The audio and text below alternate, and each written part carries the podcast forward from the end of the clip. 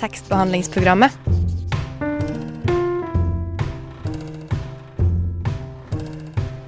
Tekstbehandling på radio.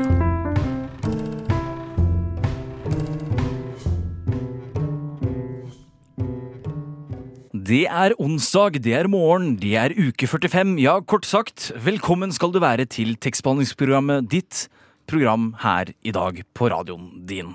Jeg, altså Philip André Johannesborg, skal sammen med en kar til lede dere gjennom en time med litteratur, musikk og alt imellom. Kan du si deg enig i det, Erland Det kan jeg si meg veldig enig. Du er veldig på i dag. Jeg er altfor på. Jeg, jeg, jeg fader meg selv inn på ting du sier. Ja, det er, det er veldig hyggelig å høre. Ja. Eh, men Men jeg er veldig klar. Ja, du, du tenker at vi er eh, Altså, vi skal få til det her. Ja, Ja. det tror jeg. For det er nemlig en ting vi må ha på det rene med en gang. Vi er ikke den vanlige gjengen i tekstbehandlingsprogram- tekstbehandlingsprogrammet. eh, tekstbehandlingsprogrammet, tror jeg det heter. det Men, det sånn. det er noe sånt. Men vi er eh, satiremagasinet Radiotjenesten som har tatt over tekstbehandlingsprogrammet. Kan du si deg enig i det, Erland Karlsen? Ja, jeg kan si meg enig i det også. Ja, det, Veldig var, fint. det, det var nemlig noe som slo meg da jeg fikk høre sånn Ok, vi skal være tekstbehandlingsprogrammet. Mhm. Da ble jeg litt redd. For hvordan blir man egentlig et litteraturprogram? Åh, åh, hvordan bli litterat... Hvordan bli litteratur... Åh, Hvordan bli litteraturpro... Nei, nei, nei, nei. Hvordan bli litteraturprogramifisert? Ah! Nettopp. Nettopp. Jeg tror, eh, Har ikke du laget noen punkter Jeg- for hvordan vi skal kunne bli litteraturprogrammifisert? Jeg har laget noen veldig viktige punkter for hvordan vi skal bli litteraturprogrammifisert. Punkt én. Du må snakke med en lavmælt stemme, slik at du ikke støter fra deg noen lyttere. Altså forsiktig og pent og Ja. koselig med tydelig diksjon? Selvfølgelig. Punkt to. Vente litt ekstra på ordene. Gjerne dra litt på dem. Det skal ikke gå for fort i svingene. Nei, fordi hvert ord skal liksom få en egen betydning og en tyngde. Ja, nå har du forstått det. Punkt tre. Ja. Finne de store ordene.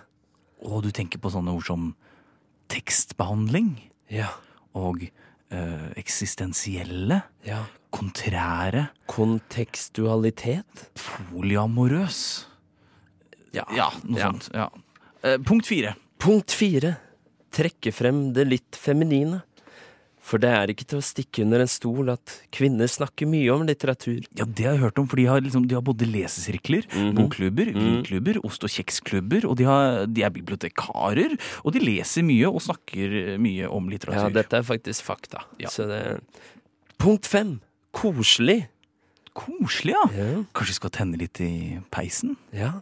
Og eh, Sette noen telys ut. Å, telys. Kanskje skru av lyset også? Ja. Og et pledd. Å, Et sånn mykt pledd som lager sånn når du, når, du setter, når du legger det over deg, så får du en sånn følelse av at alt sitter fast Å, herregud, nå ble det koselig. Punkt seks. Dialekt. Å ja, må vi ha dialekt også, ja? Ja. Ja, da, ja, men det skal vi klare gjennom hele sendinga, skal vi til det? Jo, for jeg tror at eh, det er sånn at eh, alle i tekstbehandlingsprogrammet har dialekt. Alle sammen? Så da må vi ha det òg. Ja, altså jeg tenker at uh, nå er det på tide å snakke litt om hva som kommer i dagens sending. Uh, tema for dagens sending ja, de er lavterskellitteratur, og altså hvordan lære å lese litteratur, oppdage litteratur, ja, rett og slett hvordan bli en litteraturelsker. Ikke sant, Erland? Jo, det stemmer. Og vi kommer eh, vel kanskje litt tilbake til det senere i sendinga. Nå tok jeg din dialekt, jeg. Ja, jeg hørte det, men jeg tror vi tar en låt aller først. Jo. Det er eh, låta 'Får du meg ned' med K2. Ja, Det du hørte der, det var eh, K2, og du lytter til tekstbehandlingsprogrammet her på Radio Nova. Ikke lenger 99,3, som man sa i gamle dager. Vi skulle egentlig hatt en gjest her nå, vi, Erland. Stemmer det. Men hun eh, trakk seg på søndag, og det er jo litt synd, selvfølgelig. Men eh, det stopper ikke oss fra å kunne ha en god tekstbehandlingsprogrammet-sending likevel. Erland og meg, vi har nemlig skrevet litt ting selv. Opp igjennom. Ja, vi igjennom. er jo på en måte litteraturmennesker, vi. Ja, vi er veldig litteraturmennesker. Eh, Vi leser jo litt, og skriver litt, og da tenker jeg at vi er litteraturmennesker. Ja. Det, altså, vi, skal, vi skal høre litt mer om øh, det vi har skrevet litt senere i sendingen. Men øh, vi skal først ha spalten Fem faste, og vi begynner med deg, Erland. Fem faste. Fem faste igjen på rykende fart. Ok, Erland, er du klar? Jeg er klar. Jeg er Ja. klar. Hva leser du nå? Pensum. Hvilken font skriver du i? Alltid Kalibri. Hvor skriver du? Uh, Word. Favorittbok som barn? Uh, um, oh, Kom igjen, eh, kom. Kaptein Sabeltann. Kap- er det en bok? Ja, det var en bok. Oh, ja, interessant. Det var en bok av det. Hvis du var kunstner, Erland, hva slags kunstner ville du vært? Jeg ville vært en skikkelig sær en. Eh, mest sannsynlig en som maler og skriver. Og naken. Odd, Odd Nerdrum, er det ikke det han heter? Typ Jo. sånn. Ja. Eller Odd eh, Eller jeg tenkte på Aune Sand, men eh, det er kanskje ikke Nei, det det, er, nivået. det er ikke det er, er det noe nivå på Aune Sand? Skalaen er jo der, da, i hvert fall. ja, ok, ja. Nei, jeg er Odd Nerdrum. Ja, du er Odd Nerdrum. Jeg er Odd Nerdrum. Jeg vet ikke om han snakker sånn, men Ja, nei, men eh, det er, det er veldig godt å høre, Erland. Ehm, ja, Ja, skal vi bare ta deg, eller? eh, la oss gjøre det. Fem faste. Fem faste igjen på rykende fart. Ja, er du klar, Philip? Ja. Ok, Hva leser du nå? Nå leser jeg øh, Klassekampen. Å, Nydelig. Eh, hvilken font skriver du i? Jeg skriver, jeg skriver mest for hånd, så min font den er hjemmelaget. hjemmelagd. Wow. Eh, hvor skriver du? Jeg skriver uh, på kafeer, gjerne i varmere strøk ved Middelhavet. Ah, ja, Nydelig. Uh, favorittbok som barn? En litt sær bok. Nils Christian Gelmoiden, en portrettør som skrev for Kapital. Som barn? Ja, ja, det var den første boka jeg fant i bokhylla. Den het Trykket stemning, og jeg likte ordspillene veldig godt. Han har også skrevet boka En pest og en plage. ja. Ja. Hvis du var en kunstner, hva slags kunstner ville du vært? Åh, eh, jeg ville vært en eh, Jeg ville nok vært en eh, lyd, lydkulissør. Ah, En som lagde lydkulisser og tok tok opp lyd ute på gaten. er det en kunstform? Eh, hvis jeg gjør det til en kunstform, så Nei, vet du jeg, jeg bare ljuger. Eh, jeg ville nok vært en fotograf. Ja. Det, Analog det, fotograf. det ser jeg på deg. Det er du vel. Det, det, du har den looken. Ja, fordi du, jeg synes best bak kamera og ikke foran. Er det sånn det du mener? Yes. Ja. Det er nettopp det jeg mener. Nei, men Det er veldig hyggelig å høre, Erland. Eh, kanskje jeg skal ta en annen dialekt? Ja, har du en Ja. annen en? Eh. Vi kan jo være litt sånn eh, Jeg vet ikke helt hvor den kommer ifra, men eh, den er ganske søt med en litt Ja. sånn skarrete R. Ja, du er jo Eh, det er egentlig nesten Stavanger Nei, det, Oi, det er ikke det, Stavanger. er, det var Bergen, tror jeg. Jeg tror det var Ingrid Espelid, er det ikke det den heter? Kanskje det var Ingrid Espelid. Eh, det kan også være eh, Også, faktisk. Nei, jeg tenker at vi går for eh, Finnmark. Ja, Finnmark går jeg for resten av Ja. Finnmark, Ja. er veldig fint. Hvilken dialekt vil du ha resten av sendinga? Um, eh, jeg velger meg denne. Den er veldig rolig og god å ha på et tekstprogram. Ikke dialektprogram som vi har begynt å holde på med nå. Nei, det Ja. Nei, det er veldig sant, det der. Ja, jeg, du lytter altså til tekstbehandlingsprogrammet her på Radio Nova. Det, det skal ikke være noe tvil om det, for å si det sånn. Vi har både lest tekst, og vi har hatt en fast spalte. Og nå skal vi ha eh, ny sang, og den heter så mye som 'Sykler uten hender'. Og den, den er, den er, den er laga av Pikekyss. Det, det er et ganske flott band som eh, jobber på Nei, de studerer på Westerdals, da Å. Høgskolen Kristiania. Og du skulle ikke tro det, men jeg har faktisk spilt i eh, orkester sammen med sangerinnen der. Oh, Ja, hun spilte trompet, hun var ikke noe særlig god, men uh, hun synger mye bedre. Ja. Så hun har det bedre nå. ja, men da Nå. kan vi jo høre på det. Da, da kan vi høre på det. La oss høre på Pikekyss og sykle ut til henda. Jeg sto i fare for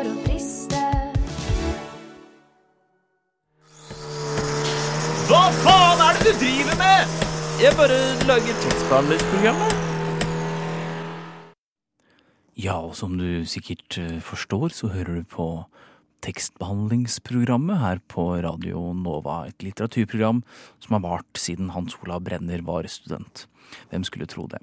Nå skal vi få et eh, innslag fra Erlend. Erlend, ja. Ja, ikke meg. Ikke Erland, men. Erlend.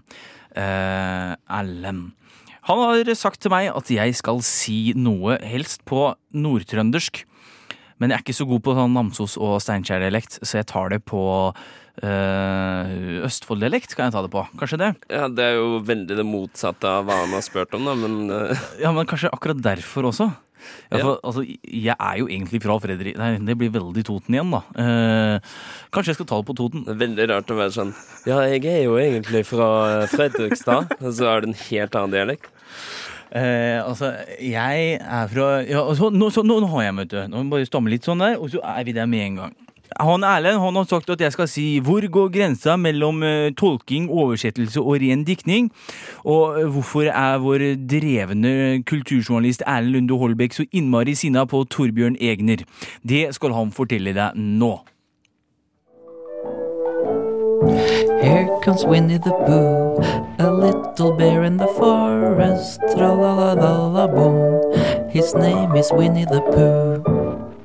Da jeg var syv år gammel, skrev jeg denne teksten på SFO. Det er en litt keitete engelsk oversettelse av en sang fra min favorittbok på den tiden, Ole Brumm av den engelske A.A. Milne. Men tro det eller ei, min oversettelse av denne sangen ligner overhodet ikke på originalen. Eh, Dette er oversettelsen jeg vokste opp med. Og mens han ruslet bortover stien, sang han en liten sang som han selv hadde diktet. Her kommer Ole Brumm, en liten bjørn i skogen. Tralalalala-bom, jeg heter Ole Brumm. Og dette er originalen. One day, when Pooh was out walking, he came to an open place in the middle of the forest. And in the middle of this place was a large oak tree. Eh, Den engelske boka Winnie the Pooh fra 1926 har nemlig ingen sanger. Man må vise mange hensyn når man skal oversette litteratur. Det er viktig å ivareta meningsinnholdet, men samtidig kommunisere tonen i teksten og videreføre virkemidlene som er brukt. Eller så kan du gjøre som Torbjørn Egner gjør. Kutte halve boka, skrive noen nye sanger og historier, og kjøre ditt helt eget Torbjørn Egner-show. Dette er en liten bjørnevise. Og mon tro jeg snart får litt å spise. Noen av Egners endringer er enkle å forklare. Flere avsnitt i de to Ole Brumm-bøkene han oversatte, Winnie the Pooh og The House on Pooh Corner, handler om navnet til Ole Brumm, hvordan han fikk det, og hvem han er oppkalt etter. De kvittet Egner seg med. Torbjørn Egner-oversettelsene av Ole Brumm-bøkene stammer fra Barnetimen for de minste, der Torbjørn fortalte fire korte, gjendiktede historier fra Ole Brumm-bøkene med nye sanger på starten av 50-tallet. Bøkene hadde allerede blitt oversatt til norsk i henholdsvis 1932 og 1947. Eh, Navnet Ole Brumm stammer fra de forrige oversettelsene, men da Torbjørn Egner hadde bergtatt Norges barn med sine svært frie gjendiktninger, kom Gyldendal løpende etter han og ba han oversette hele boka. Akkurat det gadd han ikke, så de røsket sammen tekstene fra barnetimen, la til noen forkortede versjoner av kapitlene han hadde hoppet over, og kalte det en dag.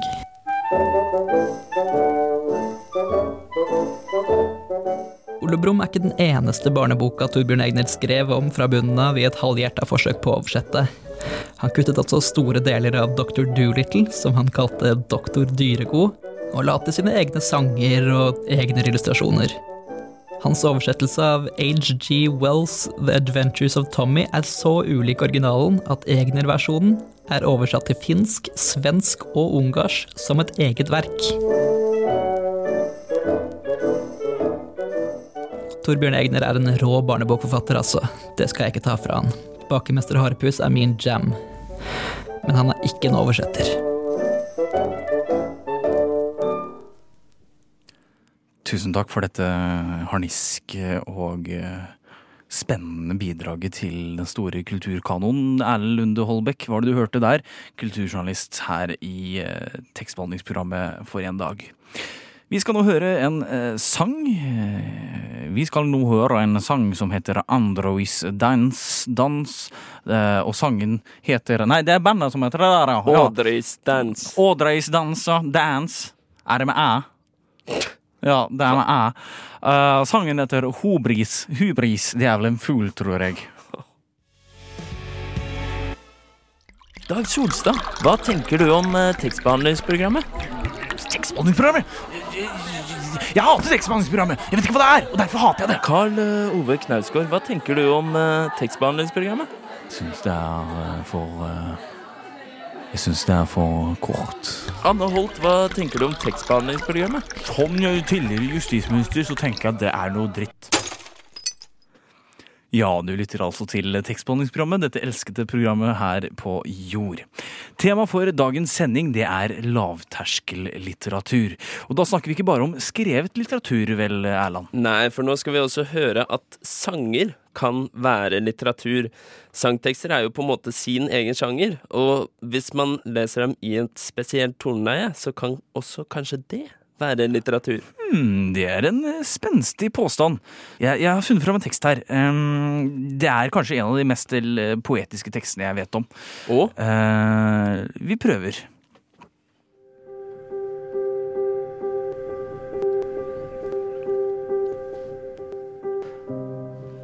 sommertider. Jeg kjenner det er noe på gang. Sommertider.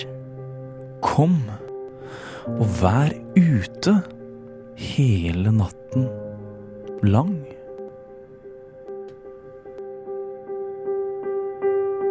Sommertider. Jeg snurrer rundt i en by som gløder. Og den hvisker, den hvisker. Bli min i natt.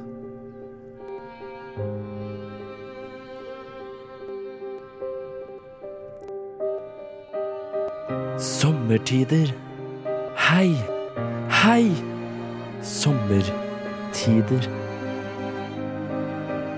Gi meg din sult. Ja, gi meg din hånd. Å, å, å. Gi meg alt du vil. Gi meg alt du kan.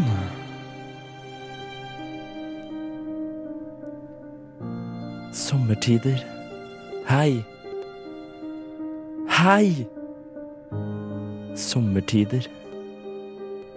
Det er eh, lepper mot eh, lepper. Og de tar meg i land. Åh, åh, åh. Og de gir sommertider til hverandre.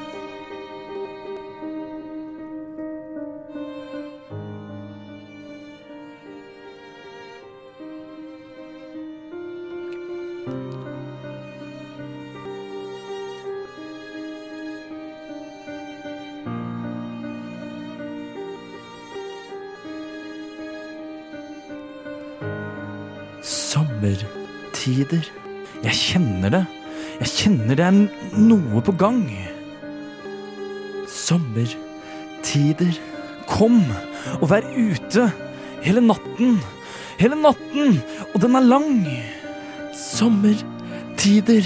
Snurre rundt i en by som gløder og som hvisker. Bli min i natt. Sommertider. Hei, hei. Sommertider. Gi meg din sult. Ja, gi meg din hånd. Åh, åh, åh. Ja, gi meg alt du vil. Gi meg alt du kan. Sommertider. Hei, hei. Sommertider. Det er lepper mot lepper, og de tar meg i land. Åh, åh, åh. Og de gir sommertider til hverandre.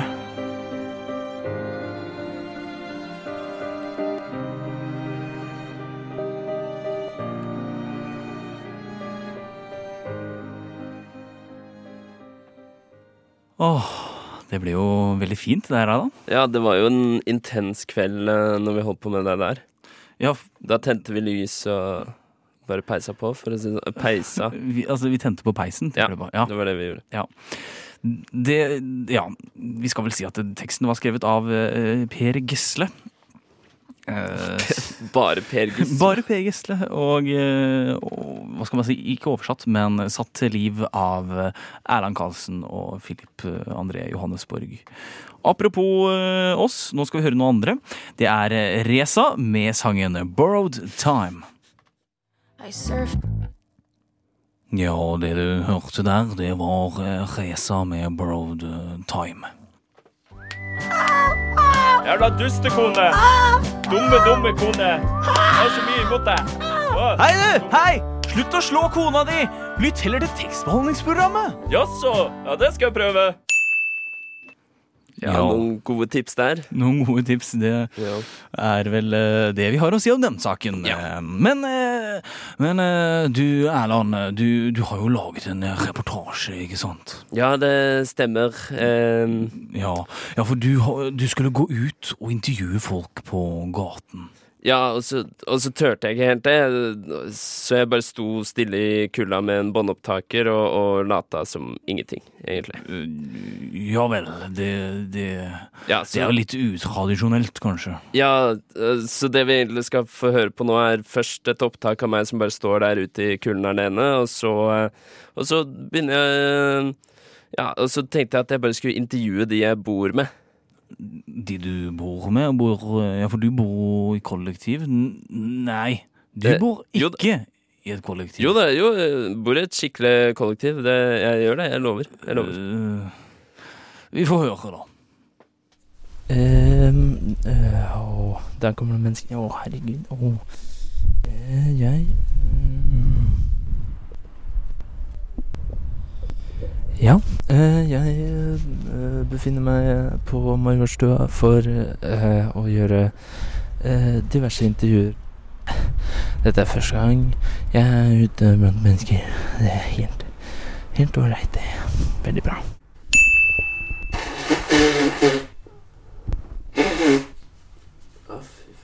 Ja, altså, etter at jeg hadde vært ute, så ble jeg syk, og jeg ble sykere og sykere, og til slutt så klarte jeg ikke å komme meg ut av huset, så jeg fikk på en måte aldri lagd den reportasjen i det hele tatt. Eh, jeg bare sto der ute i altfor lite klær, og så ble jeg syk.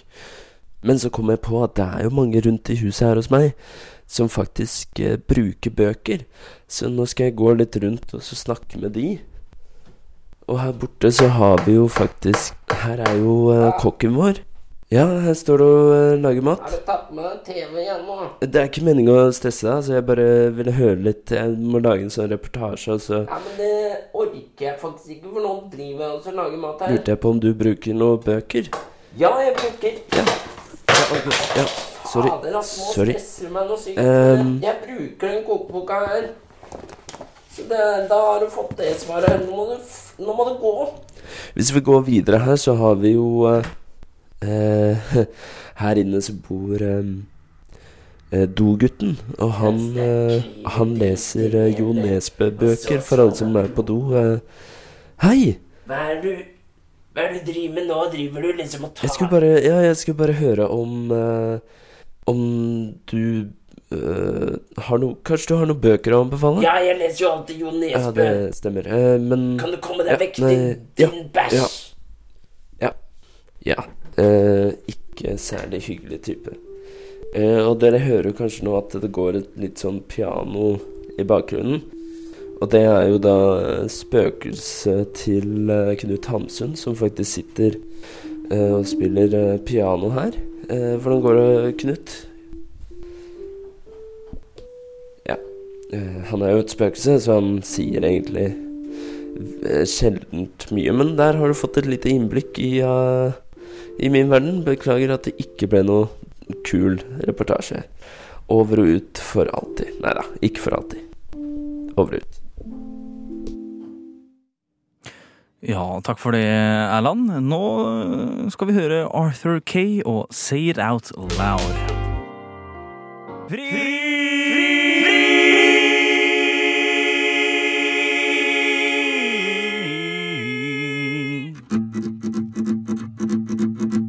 Slipp Philip fri. Velkommen til den sporadiske spalten Slipp Philip fri, denne gangen i litterære utgave. I dag skal vi ta tak i en eh, litt sår historie, for gjennom de siste to årene så har jeg trasket bort til de søte menneskene i det originale tekstbehandlingsprogrammet og snakket med dem. Ofte har vi vært på fest, de har drukket godt og pratet om alt fra god litteratur til enda bedre vin. Hver gang har jeg sagt dere må snakke litt om Dag Solstad snart. Forfatteren Dag Solstad, dere vet hvem det er, ikke sant? Altså, Jeg vedder lillefingeren min på at han snart kommer med en ny bok, og da må dere være klare. Jeg kan godt være ekspert, jeg digger den krøllete mannen med alle kommaene. Men selv etter alle disse oppfordringene i uedruelig selskap, så har de ikke gitt Dag Solstad en mulighet. Men nå har plata fått en annen lyd. For nå, nå som jeg er tekstbehandlingsprogrammet i egen høye person, skal Dag Solstad endelig få skinnene. Forrige måned kom han ut med en fantastisk bok, romanen 2019, den tredje og siste romanen om Bjørn Hansen. Men han har ikke bare vært aktuell pga. sin siste roman. Klassekampen, eller KK som vi kaller det her i programmet, trengte nødig mer å skrive om. Derfor sendte de to korrekturlesere fri til å lese over Dag Solstads siste roman. Og de fant nok av skrivefeil, men det har ikke Dag Solstad funnet seg i.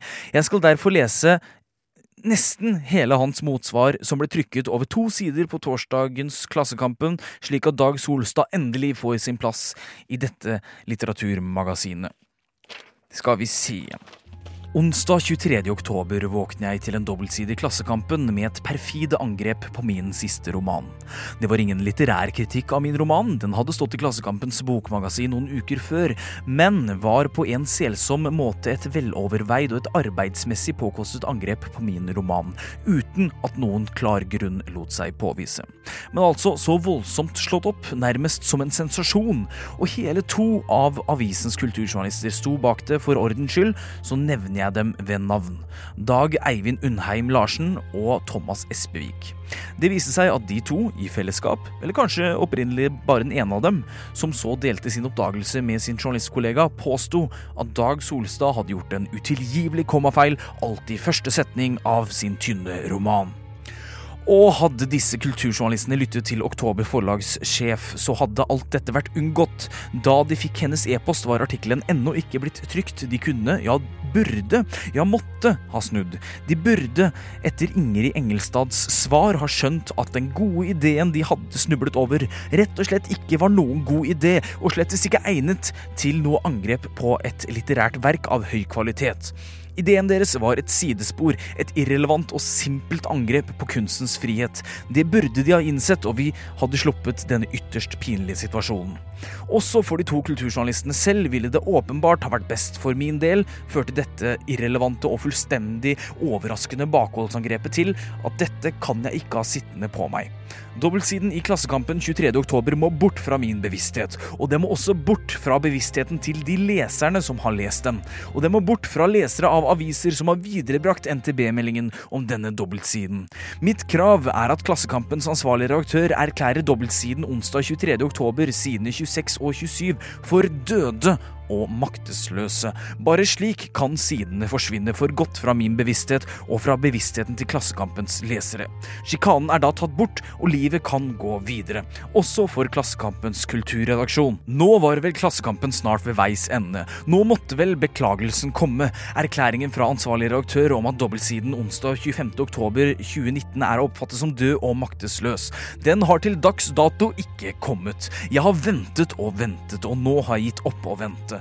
Klassekampen vil ikke gi meg oppreisning. Tvert imot. I avisa for lørdag 26. oktober står det bortgjemt på side 45 en mumlende notis 'Rettelse', står det, med et heldigvis lite foto av den forsmedelige forsiden fra onsdag 23. oktober 2019, hvor 500 feil i Solstads nye roman gjentas atter en gang. Rettelsen består i at Klassekampen har kalt det feil, mens det riktige her er at korrekturleserne har merknader til teksten.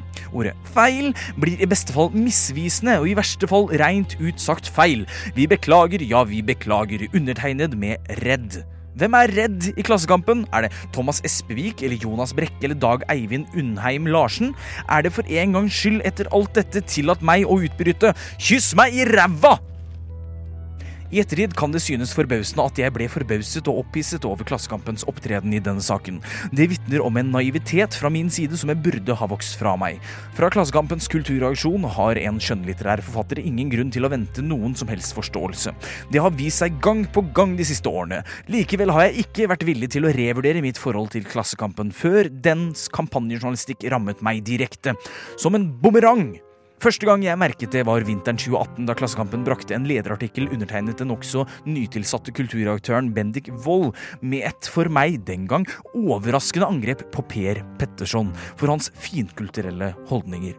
Deretter gikk det slag i slag. Angrep på Forfatterforeningen for at den i en tid hvor hvem som helst kan kalle seg forfatter, og til og med forlanger at andre skal akseptere det, tillater seg å plukke på et visst kvalitetskrav for å anerkjenne nye medlemmer, uhemmet jubel over at en forretning av utestengte skrivevillige var blitt stiftet, og vakte begeistring i Høyre-Fremskrittspartiregjeringen som trengte den for å nedbygge mest mulig av ikke-kommersiell virksomhet, og ble dyrket for sin heroiske og demokratiske kamp for å få del i de statlige stipendmidlene til den snørrhovne Forfatterforeningen. Etter hvert tror jeg de fleste forfattere som tilhører venstresiden har merket seg at Klassekampen ikke lenger er deres avis. Sørgelig, men sant. Ikke minst ved at de sakene som kulturredaktøren og hans stab brenner for er så merkverdige irrelevante, slik som den saken som nå rammet meg, og som i utgangspunktet dreide seg om det uholdbare og oppsiktsvekkende i at skjønnlitterære forfattere nekter å føye seg etter korrekturlesernes instrukser når de strider mot det som er skjønnlitteraturens drivkraft, ja, dens eneste drivkraft og eneste begrunnelse, og som Klassekampens kulturreaksjon nedlatende sier at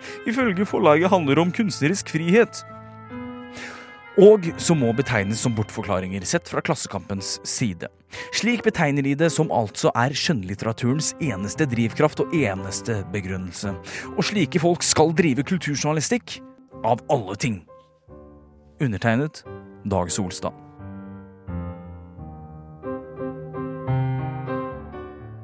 Ja, og nå skal du få høre She Got The Moon med Berry Juice Deirdre. Ja, og det du hørte der, det var selvfølgelig Berry Juice eh, Deirdre. Noe sånt. Men i hvert fall, låta het She Got The Moon. Nå skal vi dykke ned i litteraturen igjen. Det er tid for et imaginært bokbad. Blup, blup, blup, blup, blup, blup. Ah, ah, ah, ah. Takk for det, Erland. Vi har nemlig besøk av to ikke-publiserte forfattere her i dag. Og en av dem, ja, det er deg det, Erland. hei. Velkommen Ja, til deg. Tusen takk. Eh, Hvorfor begynte du å skrive bok? Eh, fordi jeg mente jeg hadde et talent som ingen andre hadde.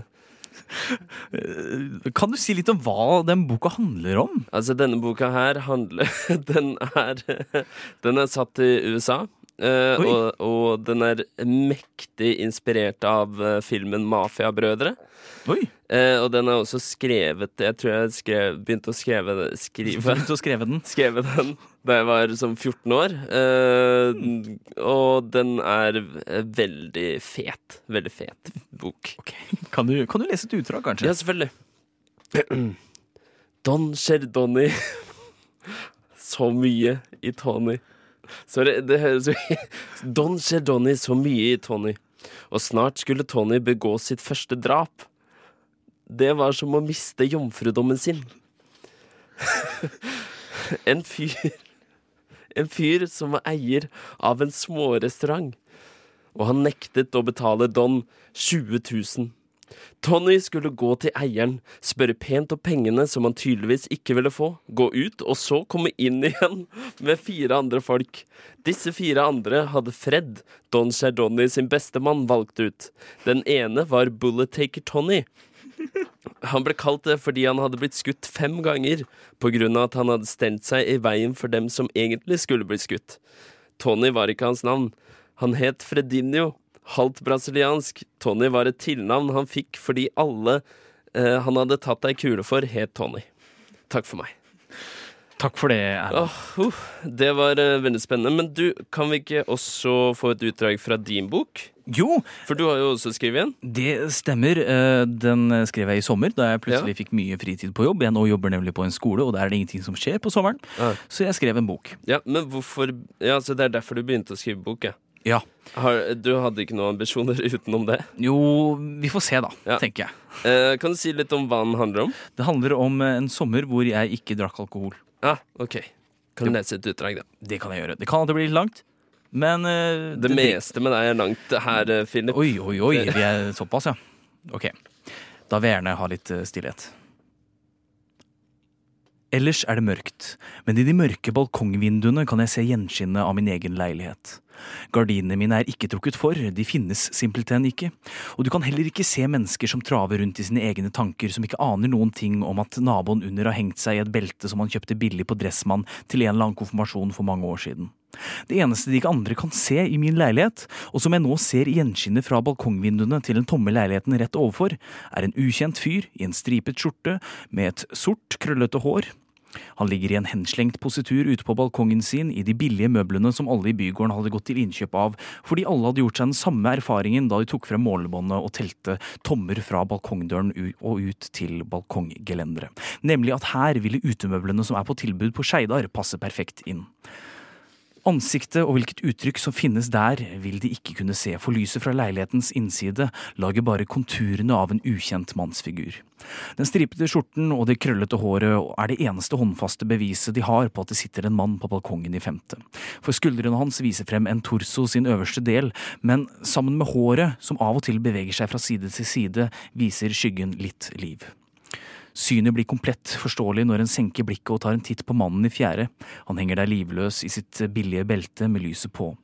En skygge av død, kun et fall fra tre meter, er altså forskjellen på liv og død i Oslo denne augustkvelden. Sommerens siste dag var over, og temperaturfallet har ført til at shortsene har blitt lengre, men livene våre er betydelig kortere, for vi er ikke udødelige lenger. Vi er sårbare og fanget i en tid som bare går ubarmhjertig forbi. Wow. Takk. Trist. Veldig trist. Det er trist. En annen ting som er trist, det er at vi er ferdig med sendingen vår, Erland. Oi. Ja. Du høres ikke så veldig trist ut. Nei, jeg eh, er jo kjempetrist. Jeg kommer til å savne å snakke på dialekt og, og alt mulig. Jeg har egentlig sagt det, men jeg kan si det en gang til. Radio Nova. På, på, DAB og nettradio. På radionova.no.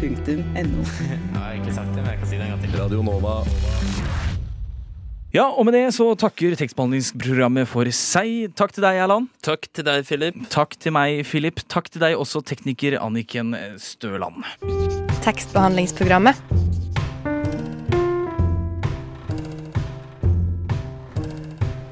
Tekstbehandling på radio.